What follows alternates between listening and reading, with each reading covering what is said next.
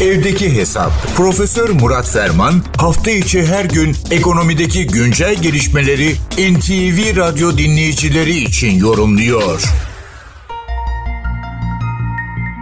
Ekonomik belirsizliklerle örgülü, ekonomik ve teknolojik uçurumların arttığı bir gündemi yaşıyoruz.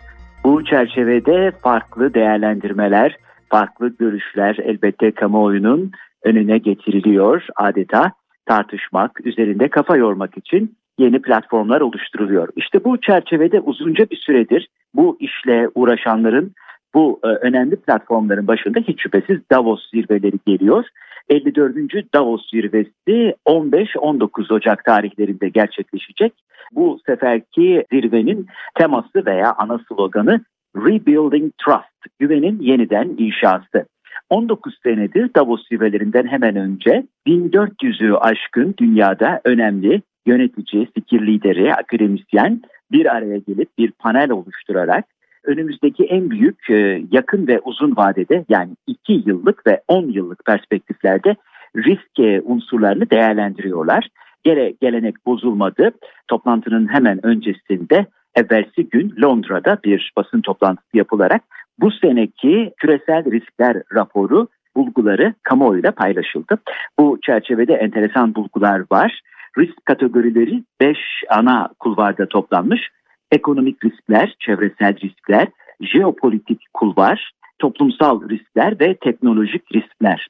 Bu çerçeveye baktığımızda önümüzdeki sene içerisinde yani içinde bulunduğumuz sene ve ondan sonraki sene içerisinde en önemli sıkıntı faktörleri nelerdir diye değerlendirme yapılmış. İsterseniz bir kısaca göz atalım.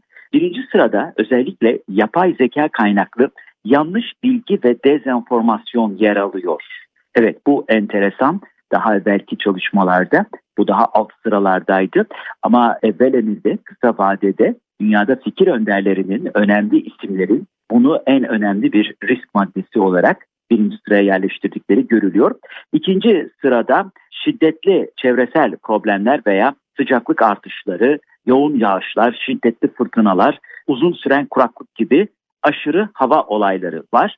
Üçüncü sırada toplumsal kutuplaşma, dördüncü sırada siber güvenlik ve nihayet beşinci sırada devletler arası silahlı çatışma riski bulunuyor. Diğer 5 taneye de bakarak ilk onu tamamlayalım. Kısa dönemli riskler arasında ilk 10'nun ikinci ligini oluşturan birinci risk ekonomik fırsat eksikliği.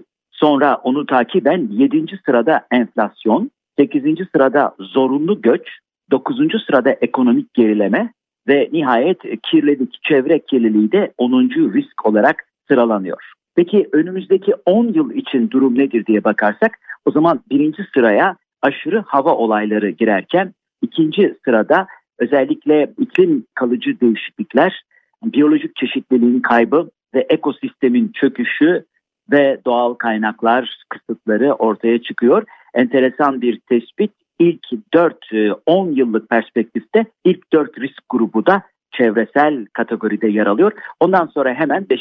sırada işte bu yapay zeka kaynaklı yanlış bilgi ve dezenformasyon geliyor ve e, özellikle yapay zekaya bağlı değişik sıkıntılar da göz önünde. Tabii bu açık ve net olarak söyleyelim e, yanlış bilgi ve dezenformasyon sadece yapay zeka kaynaklı değil.